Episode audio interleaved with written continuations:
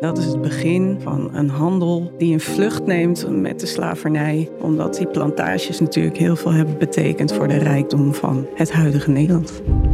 Slavernij. Ruim 200 jaar verdienden we er grof geld mee. Dit jaar, 2023, is het 150 jaar geleden dat de tot slaafgemaakten echt vrij waren.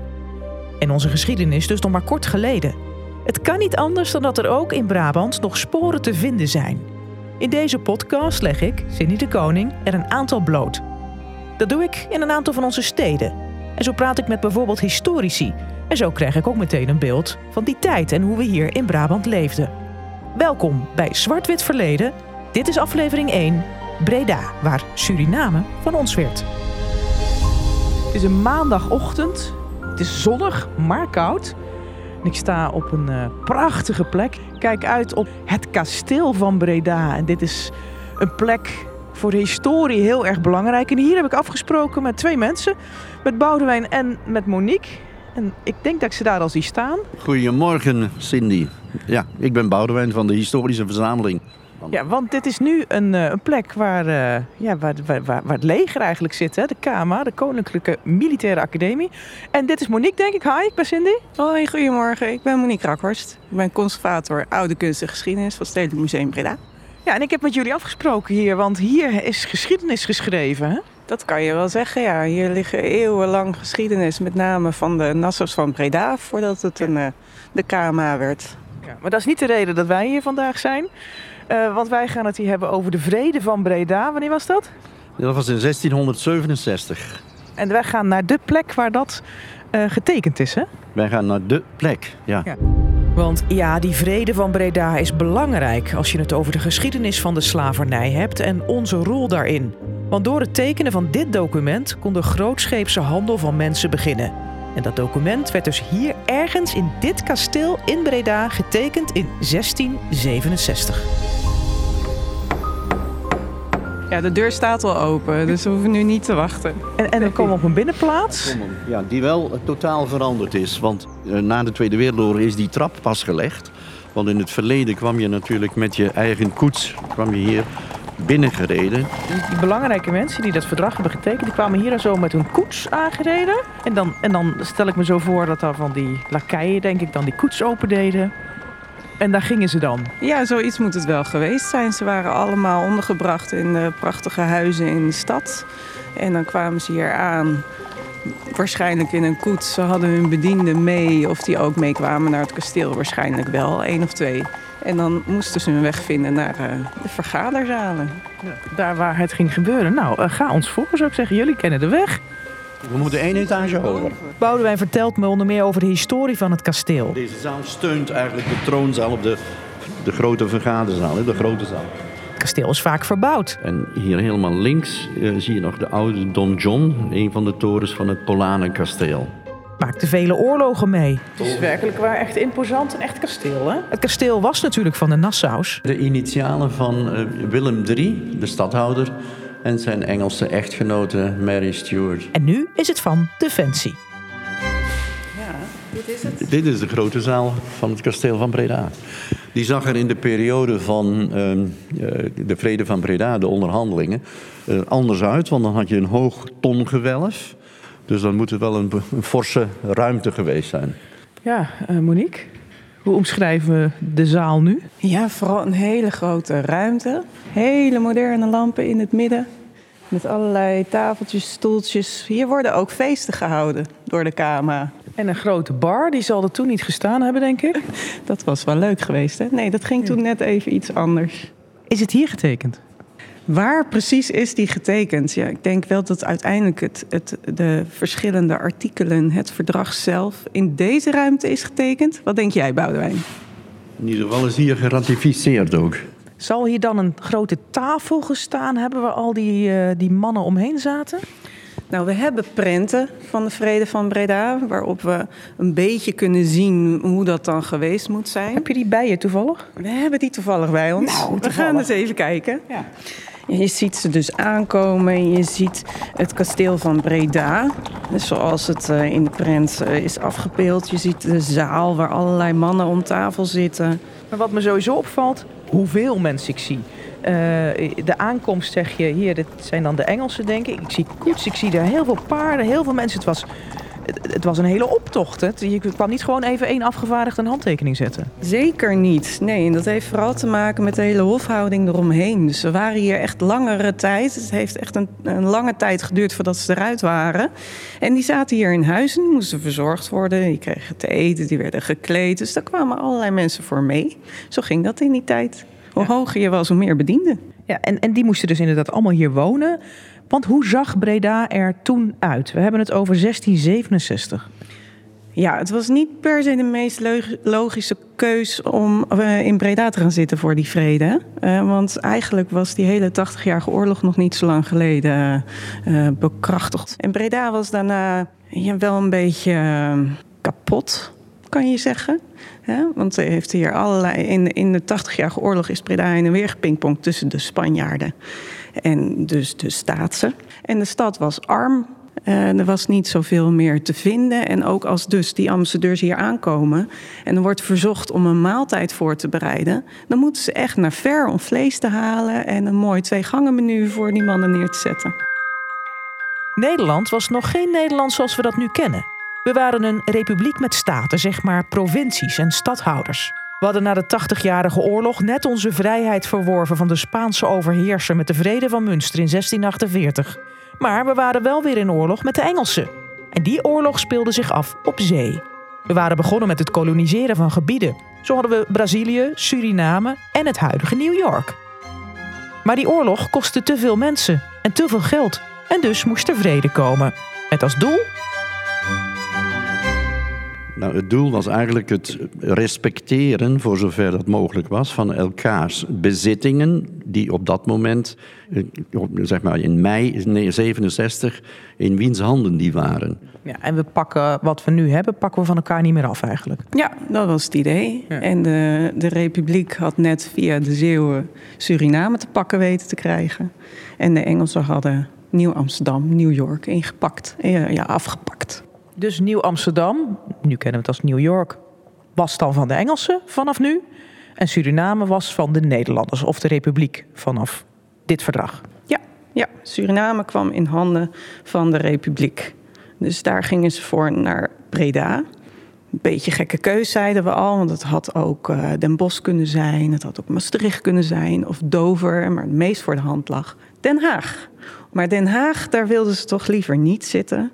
Omdat er een beetje een gekke situatie was in die republiek. Daar had altijd een Nassau als stadhouder aan het hoofd gezeten. Maar op dat moment was dat niet het geval. Er was een raadspensionaris, Johan de Wit. En die vond het ook niet de moeite om zelf hier naartoe te komen om de vrede te tekenen. Nee, hij stuurde iemand anders. Maar het werd Breda, omdat het ging natuurlijk om die Engelsen. En die Engelse koning die had hier toevallig een tijdje gewoond, gelogeerd. Dus die voelde zich wel uh, ja, eh, tevreden, prettig bij dat idee om dan in het kasteel van Breda te zitten als neutraal grondgebied. En, en zo is het dus dat Brabant toch wel een belangrijke rol heeft gehad in die vrede van Breda dus, maar ook in het uh, verkrijgen van Suriname en dus alle gevolgen van dien. Ja, als een soort toevallig locatie. En dat is het begin van, van een handel eh, die een vlucht neemt met de slavernij. Omdat die plantages natuurlijk heel veel hebben betekend voor de rijkdom van eh, het huidige Nederland.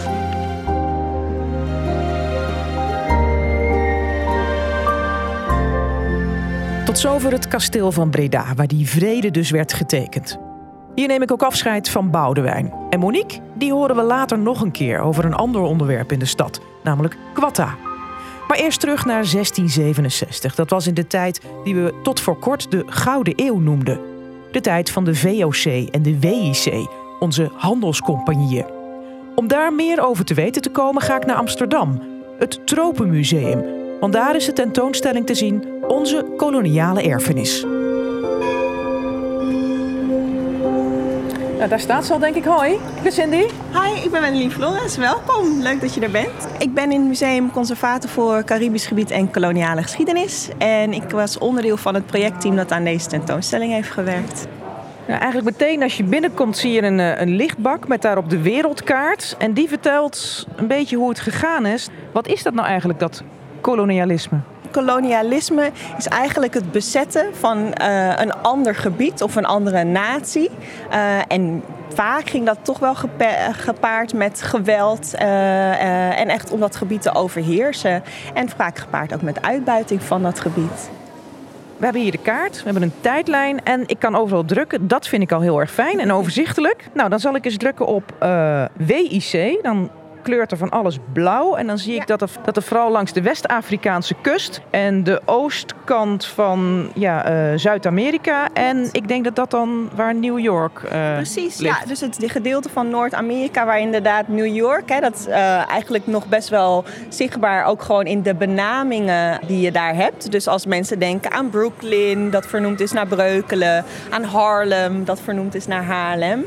Maar de WIC inderdaad toch wat meer bekend van de uh, koloniën in Zuid-Amerika. En uh, met name eeuwenlang Suriname en de voormalige Nederlandse Antillen. Dat zijn toch wel de, de meest langdurig bezette gebieden. Maar even ook uitleggen, wat is die WIC? Want er staat die WIC en VOC. Veel ja. mensen kennen de VOC, denken wel, wat is de WIC? Nou, beide zijn eigenlijk in de 17e eeuw opgericht. De VOC dus meer voor uh, de oosten. Hè? Dus uh, met name Indonesië natuurlijk met als bekendste uh, kolonie. De WIC juist voor Zuid-Amerika en een klein deeltje dan van Noord-Amerika. En bijvoorbeeld op producten als suiker naar Nederland te brengen. Maar de WIC was ook uh, aan die kant de handelaar in tot slaafgemaakte mensen. Handel dus. Specerijen, maar ook tin, goud, zout, koffie. En alles waar winst op te behalen werd. En winst, dat maakten we ook met de handel in mensen. Die werden in Afrika door lokale mensen overal vandaan gehaald, met geweld. Dan kwamen ze in forten terecht waar ze moesten wachten tot de schepen ze meenamen naar Amerika. En dat gebeurde op speciale slavenschepen. Dus even kijken, ik kijk naar een tekening. Regulated Slave Trade staat erboven. Het is een doorsnee van een schip. Wat zie ik hier? Nou, hier zie je dus dat echt berekend werd. Je ziet doorsneden zowel um, uh, over de hele ja, uh, lengte van het schip hoeveel mensen er naast elkaar liggen. En dus die streepjes zijn mensen? Ja, die streepjes die je daar ziet, dat zijn eigenlijk stellen mensen voor. Hoeveel mensen er naast elkaar pasten. Maar je ziet ook een doorsnede waardoor je ziet dat niet alleen naast elkaar gerekend werd, maar dat er ook verschillende lagen eigenlijk in dat dek werden aangebracht. Zodat, nou ja, 1, 2, 3, 4 lagen boven elkaar. Waardoor je nog meer mensen op één zo'n schip kon uh, vervoeren. En je ziet dus ook heel duidelijk dat het onmogelijk was in die positie om even gewoon op te staan uh, of überhaupt te zitten zelfs. Ja, ik zie inderdaad bij de toelichting dat er 454 mensen zij aan zij getekend zijn in dit uh, schip. En dat, dit schip heeft dus ook echt gevaren tussen Liverpool en de Afrikaanse westkust. Het was zelfs in een wet vastgesteld hoeveel ruimte er beschikbaar moest zijn per persoon. Voor mannen was dat 180 bij 40 bij 60 centimeter. Niet iedereen overleefde de tocht naar het andere continent. Degenen die stierven werden overboord gegooid. Degenen die wel in leven bleven wisten helemaal niet waar ze naartoe gingen. En er was dan ook veel angst. Angst bijvoorbeeld dat die witte overheerser ze op zouden eten. Nou, dat was niet het geval. Maar ja, eenmaal aangekomen in Amerika werden ze weer verkocht. En kwamen ze bijvoorbeeld op een van die vele plantages terecht in Suriname. En ook daar was het leven keihard. Nou ja, op zo'n plantage was het doel om zoveel mogelijk winst te behalen. Dus zoveel mogelijk te verbouwen, wat zo min mogelijk geld moest kosten. Dus de mensen die daar te werk gesteld werden, die kregen net voldoende verzorging, voeding, eh, beschutting, een dag boven hoofd, dat ze zo lang mogelijk overeind zouden blijven. Maar tegelijkertijd zoveel mogelijk werk moesten verrichten. Dus zoveel mogelijk uren ook uh, aan het werk moesten zijn. Dus het was echt gericht op productie. En ze waren eigendom van iemand. Ja, ze werden destijds uh, echt beschouwd, wettelijk ook, als eigendom van die plantage-eigenaar. In totaal werden in de periode van de Nederlandse slavenhandel over de hele wereld 11 tot 12,5 miljoen Afrikaanse slaafgemaakten verscheept en verkocht. Hiervan werden er zo'n 600.000 door Nederlanders verhandeld. De West-Indische Compagnie verscheepte ongeveer de helft daarvan. Uiteindelijk werd de slavernij ook door Nederland afgeschaft. Frankrijk en Engeland bijvoorbeeld deden dat al eerder. Wij deden dat in fases. In 1814 werd de handel in slaven overboden. In 1860 kwam er een einde aan de slavernij in Nederlands-Indië. En in 1863 werd de wet van kracht waarmee slavernij ook in Suriname en het Caribisch gebied werd afgeschaft. Maar in die wet stond wel dat de slaven op de plantages in Suriname nog tien jaar onder toezicht van de staat bleven vallen. Dat betekende dus dat ze, weliswaar betaald, gedwongen werden om toch nog tien jaar op de plantages te blijven werken. Tot 1873 dus. Ik zie hier een document. Groot erboven staat Wigbold Krommelen, gouverneur-generaal. Hij is later in uh, Brabant gaan wonen. Wat, wat, is dit? Dit ziet er als een heel officieel pamflet uit.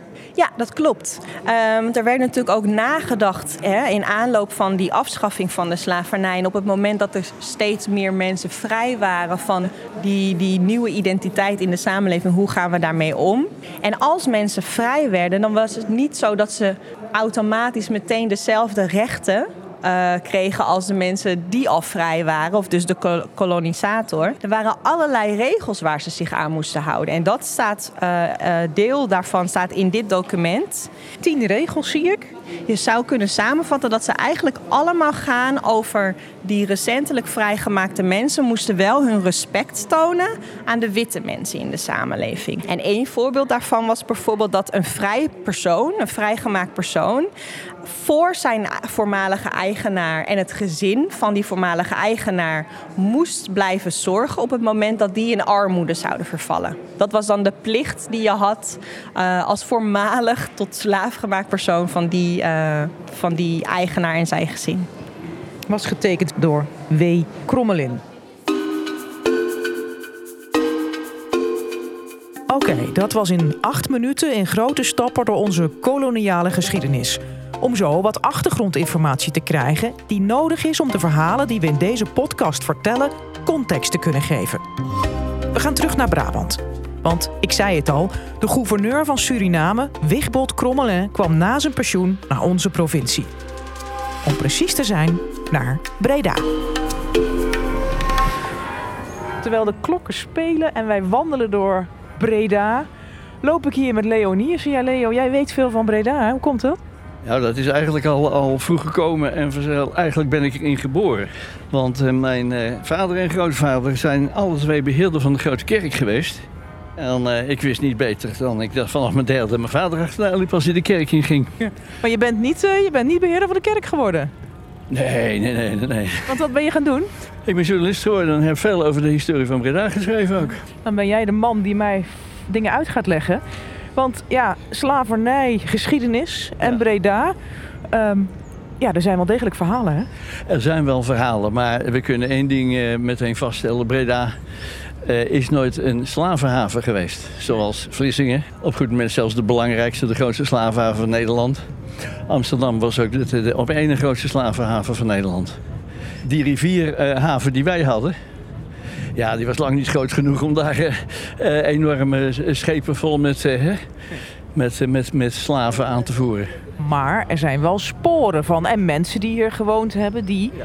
met die slavernij te maken hebben gehad. Waar gaan, waar gaan we naar op, op, op weg? We lopen nu de Nieuwstraat in. En, en, en wat is daar dan? Uh, daar vinden wij het huis van uh, Wigbold Krommelaar. De generaal-consul. Of gouverneur-generaal heet hij niet eigenlijk. Um, die namens de West-Indische Compagnie en de Staat der Nederlanden, ja, het, dagelijks bestuur van, van Suriname. Uh, hij was ook generaal. Het was ook een functie. En uh, niet alleen de rituele functie, hij had wel degelijk heel veel invloed in de, in de, in de kolonie. Waar twintig keer meer slaven aan het werk waren dan er Nederlanders woonden. In zijn, hij heeft zelf um, een, een, ja, laten we zeggen, min of meer legendarische vrede gesloten met uh, drie Maronstammen. En Marons waren ontsnapte uh, slaven die in het binnenland, in het oerwoud en de moerassen onbereikbaar werden. Maar van daaruit een soort guerrilla voerden tegen het gezag en tegen de slavenhouders. Crommelin sloot dus een verdrag, een vredesverdrag De Republiek stuurde namelijk soldaten op de Marons af om ze een kopje kleiner te maken. Een van de bekendste officieren uit die tijd is John Gabriel Stedman uit Bergen op Zoom. In een andere aflevering komen we uitgebreid op hem terug. De stammen zouden stoppen met het plunderen en het aanvallen van de plantages. En de Marons kregen dan een vrije status en autonomie in de oerwouden waar ze woonden. Crommelin wilde nog meer. Hij wilde dat er een regeling kwam om het slavenlot te verzachten. Om te voorkomen dat plantagehouders zich niet hielden aan de wettelijke regels om tot slaafgemaakte fysiek te straffen, wilde Crommelin dat het aantal slagen maximaal 39 keer per gezeling zou zijn. Want de eigenaren deelden er wel eens meer uit, soms wel 200. Overigens vielen deze nieuwe regels niet goed bij de plantagehouders. En saillant detail overigens, Crommelin had zelf ook drie suikerplantages en 296 tot slaafgemaakte. Na 21 jaar en 12 jaar als gouverneur in Suriname kwam hij in 1770 naar Breda en huurde daar een huis op stand. Het huis van Assendelft aan de Steenbrugstraat, zoals de Nieuwstraat toen nog heette. Het is een lange straat, de Nieuwstraat. Een lange straat en dan een beetje gecompliceerde uh, aanleg heeft hij gehad. Nou, we lopen nou een hoek om en hier zie ik duidelijk hele statige, grote gebouwen. Uh, liefdesgesticht staat er chic opgeschreven aan eentje, is een beetje leemkleurig. Uh, aan de andere kant van het witte pand in het midden is het ook weer net een andere kleur, bruin. En in het midden... Witgepleisterde regels. Uh, Vlaggen. Vlaggen ook, ja. Daar Pilaren. Zit, daar zit het enige vijf sterren hotel van, van de provincie Brabant zit daar sinds een jaar of tien. En is dat het huis waar hij heeft gewoond? En, nee, dat is samengesteld uit drie zogenaamde hofhuizen. Het, het, het, het straalt ook chicheid en grandeur uit.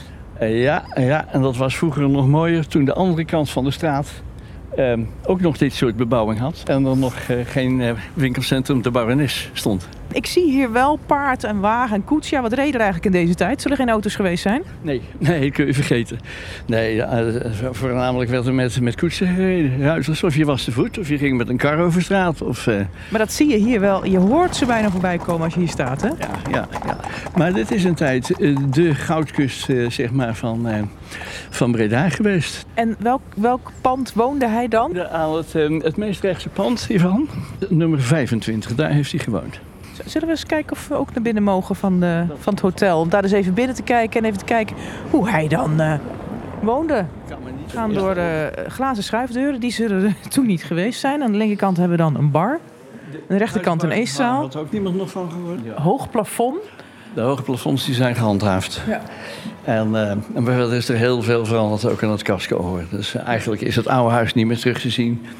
Behalve als je weet waar het traptorentje staat. Dat maakt de deel uit van dit huis. Dat, uh, dat is hierachter en dat kijkt uit op de Markendaalse weg. Wat vroeger ook havengebied was. En met hoeveel mensen woonde hij hier dan? Nou, hoe groot zijn hofhouding was, is niet bekend. Maar hij woonde hier in ieder geval met zijn, uh, met zijn drie zwarte huisbedienden. Ons bezoek blijft niet onopgemerkt. Ja, ja. Nee, het gaat over het verhaal van Wigbert Krommelin. Oh, wat leuk. Nou, en u wilt even verder kijken? Ja, mag dat? Mogen we een klein stukje verder lopen? Loop ik even met u mee. Ja? De general manager, Joost van der Minnen, hoort ons praten, houdt van geschiedenis en geeft ons graag een rondleiding. Ik ben even weg uit de bar, dus mocht u dan bellen maar. En, zo zegt hij, hij kan ons het torentje waar Leo het eerder over had, laten zien. U heeft de sleutel in uw hand, hè? Ja. Waar gaan we naartoe? We gaan, uh, we gaan richting, het, uh, richting het huis. Dit is de voordeur waar Krommelin naar binnen kwam. Nou, nou, niet precies dezelfde, denk ik. Want er is zoveel aan die huizen veranderd. In. Dat heeft een hele afwisselende bouwgeschiedenis, hoor, dit, deze, deze hofhuizen. Oh, het alarm gaat af. Ja. Oh, wat prachtig. Ja, dit is inderdaad het, het huis. We gaan we weer dicht. Ja. Maar wat een statige hal ook deze dan, hè? Ook groots. Want dat was het wel, hè? Maar je ziet al wel, zo, als je hier zo bent, dat dit een hal was geweest, hoe groot dat is en hoe chic het is geweest, hè? Ja, ja, ja. En zo wandelen we door de drie panden die dus nu samen één hotel vormen. Zo komen we in een kapel, want in de loop der tijd hebben er ook nonnen gewoond. De Liefdeskapel heette die. Die Oh, hoorde wauw. bij, de, bij de kloosterzusters. En die hadden een eigen kapel. En eh, ja, dit heeft, eh, vanaf 1903 heeft dit, eh, eh, de zusters in gebed gezien en Ja. eh, zingen. En dan eindelijk staan we bij een deur. Even kijken hoor, dit is, dit is niet het torentje, maar dan, als we dan toch, eh, als we dan toch het, het, het volledige pakket nemen, dan eh, maak ik even tijd. Dit is wel even... eh, Er gaat even een deur open. Eerst opletten en dan pas eh, praten, denk ik. Hele steile trap. Dat is echt iets ouds waar we nu naartoe lopen. Er gaat weer een deur open. We staan ergens op een dak. Kijk, en dat is het, dat is het torentje waar, eh, waar meneer het eh, over had. Ja. Het torentje van Assendelft. Ik zie een, inderdaad eh, daken. Ik voel me een heel klein beetje Mary Poppins hier. Eh, heel veel airconditionings. Ik zie de grote kerk voor me. En een heel oud torentje. Ja, En dit is onderdeel van een van een van die huizen. dit is het eh, torentje van huis Assendelft, van Assendelft. Genoemd naar de schout die hier eh, gewoond heeft. Eh, En, en jij even kijken, even omschrijven. Het is een achthoekig torentje, denk ik, als ik het zie. Nou, dat zou best eens achthoekig kunnen Ja, zijn. en dan, Ja, en dan zo'n hele grote punt erop met een bol. Ja, En daarop weer een kruis met een gouden bol. Met de windwijzer bovenop. Ja. Kijk maar. Je ziet ook precies uit welke En een heel klein deurtje. Een heel klein deurtje, maar het is eigenlijk meer een luik om uit te kijken. Als je aan de andere kant van dit dak zou staan, zou je, had je vroeger uitzicht op het rivierwater, waar eh, ook de haven in lag. Maar waarom wilde die zo'n torentje dan? Status, ja. versiering, pronken. Eh, je onderscheiden van de buren die dat niet hebben. Het was natuurlijk ook de, de rand van de stad. En, en hier werd dus ook daadwerkelijk toezicht gehouden of er brand was, of mensen zich aan de avondklok hadden, eh, dronkenschap, dat soort, eh, dat soort dingen. Dus eh, zo werd er over de binnenstad heen uitge, eh, uitgekeken. Want de nieuwe mark, of de mark is eigenlijk de grens van, de, van het oude centrum. Ja, dat was stadswater. Zullen we in het torentje gaan kijken? Ja, graag. Hier weer naar beneden? En hier weer naar beneden. Ik denk niet dat er ook maar één hotelgast is geweest die dit gezien heeft. Nou, Zo, de deur weer goed op slot. Ja. Oh. Maar Even kijken hoor, we komen nou weer een ruimte in. Er wordt omhoog gewezen. Ja, waar kijk ik eigenlijk in? Oh, dat luik, ja. Wat leuk dat jullie dat zo open hebben gelaten. Ja, dat is, dat is, eh, tijdens de restauratie is dat een, eh, ja, een, een, een uitdaging geweest tussen een, eh, eh, iemand die het graag zo energiezuinig mogelijk wilde maken en eh, mensen die toch wat van de historie wilden bewaren. En dat De is laatste gelukkig hebben gewonnen. gebeurd. Ja, ja, Ja. ja. ja, ja. Ja, Leo, maak er maar eens een foto van, want dit heb jij ook nog niet gezien, hè? Ehm, nee, dit is, ik ben hier, ik schat, eh, een jaar of twaalf voor het laatst eh, in geweest. Komen er veel mensen hier vragen naar de geschiedenis? Ja, abs- absoluut. En het verhaal van eh Wigbold Krommelin, kent u dat al? Nee, dat was mij niet bekend. Dus dat is wel heel leuk. Dat kunnen we weer toevoegen aan het, eh, aan het verhaal. Zo. Dat was leuk, hè? Dat was eh, een onverwacht genoegen. Ja, Ja. dat we daar, eh, dat we daar gewoon in konden welkom. en deze ontvangst kregen. Maar het zijn ook gastheren hè, hier. Zeker. Vijf sterren gastheren. Zeg nou, ehm, heeft hij hier dus vijf jaar gewoond? Ja, je zou bijna niet geloven dat hij hier weg wilde, maar toch wilde hij weg hier uit het mooie Breda in dit prachtige huis. Ja, ja. Waarom eigenlijk?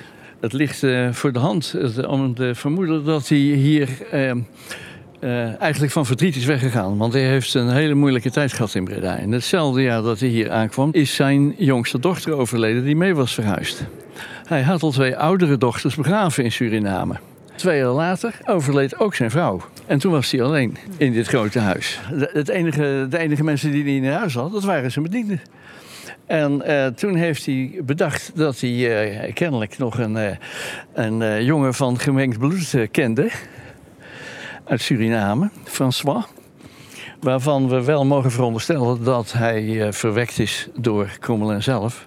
Dus Zijn als- zoon. dat hij dus in feite gewoon een onbekende zoon hier naartoe heeft laten komen. Want veel van die slavenhouders en van die plantagehouders... die, eh, eh, die leiden een soort dubbelleven in moreel opzicht gezien, in zedelijk opzicht. En die hadden kinderen bij... eh Die hadden kinderen, die hadden kinderen bij zwarte vrouwen. Iedereen heeft François hier naartoe gehaald en toen zijn ze toch nog verhuisd. Toen zijn ze toch nog verhuisd. eh, want hij had ook al heel lang zich voorgenomen... dat hij, als hij gepensioneerd was, op een afgelegen plek ging wonen, zoals je dat noemde. Een afgelegen plek eh, waar het rustig was. En dat was Breda niet. En Breda was natuurlijk eh, als garnizoenstad en dan nog met de haven, een deel van de haven hier achter, achter zijn huis. Ehm, dat was natuurlijk, en het was een hele drukke garnizoenstad bij tijd en wijle. Verderop in Brabant heeft hij meer rust gevonden, namelijk in Sint-Oederode. En daar heeft hij het, eh, laten we zeggen, het kasteeltje Dommelrode gekocht. En uiteindelijk, eh, wat er in de tussentijd is gebeurd, weet ik niet. Eh, maar hij eh, is 1789 is hij in Graven overleden. In Graven misschien ook wel begraven, dat weet ik eigenlijk niet. Overigens stichtte hij op zijn 62ste nog wel een nieuw gezin met een jonge vrouw. De meeste van die kinderen stierven jong. Leo hoor je in de volgende aflevering nog terug, want dan duik ik met hem het archief in. Op zoek naar de nieuwe namen van twee, inmiddels vrije tot slaafgemaakten, die ook in Breda woonden. Tot zover aflevering 1 van de podcast Zwart-Wit Verleden over de sporen van slavernij in Brabant. In deze podcast vertellen we de verhalen zo goed als mogelijk. Ieder verhaal heeft namelijk meerdere kanten en wij kiezen geen kant. Dat mag je zelf doen. In de volgende aflevering blijven we in Breda en hoor je meer over hoe dat wereldberoemde chocolademerk Quatta daar terecht kwam eind 19e eeuw. Daar staan we hier bij het water. En zo konden ze de cacaobalen op schepen vanuit Suriname. Kwamen ze dan hier aan. En konden ze zo van het water de fabriek in. Naar de grote machines eh, waar het werd verwerkt. Deze podcast was er niet gekomen als niet al mijn enthousiaste gasten hadden meegewerkt en meegezocht naar die verhalen uit Brabant. En ook niet als Janneke Bos en Bert van Doorn van Omroep Brabant, net als ik, vonden dat deze verhalen verteld moeten worden om zo meer te leren over onze geschiedenis. Vind je dat meer mensen deze podcast zouden moeten horen? Geef het dan een like. Reageren kan via podcast.omroepbrabant.nl. Bedankt voor het luisteren en tot de volgende!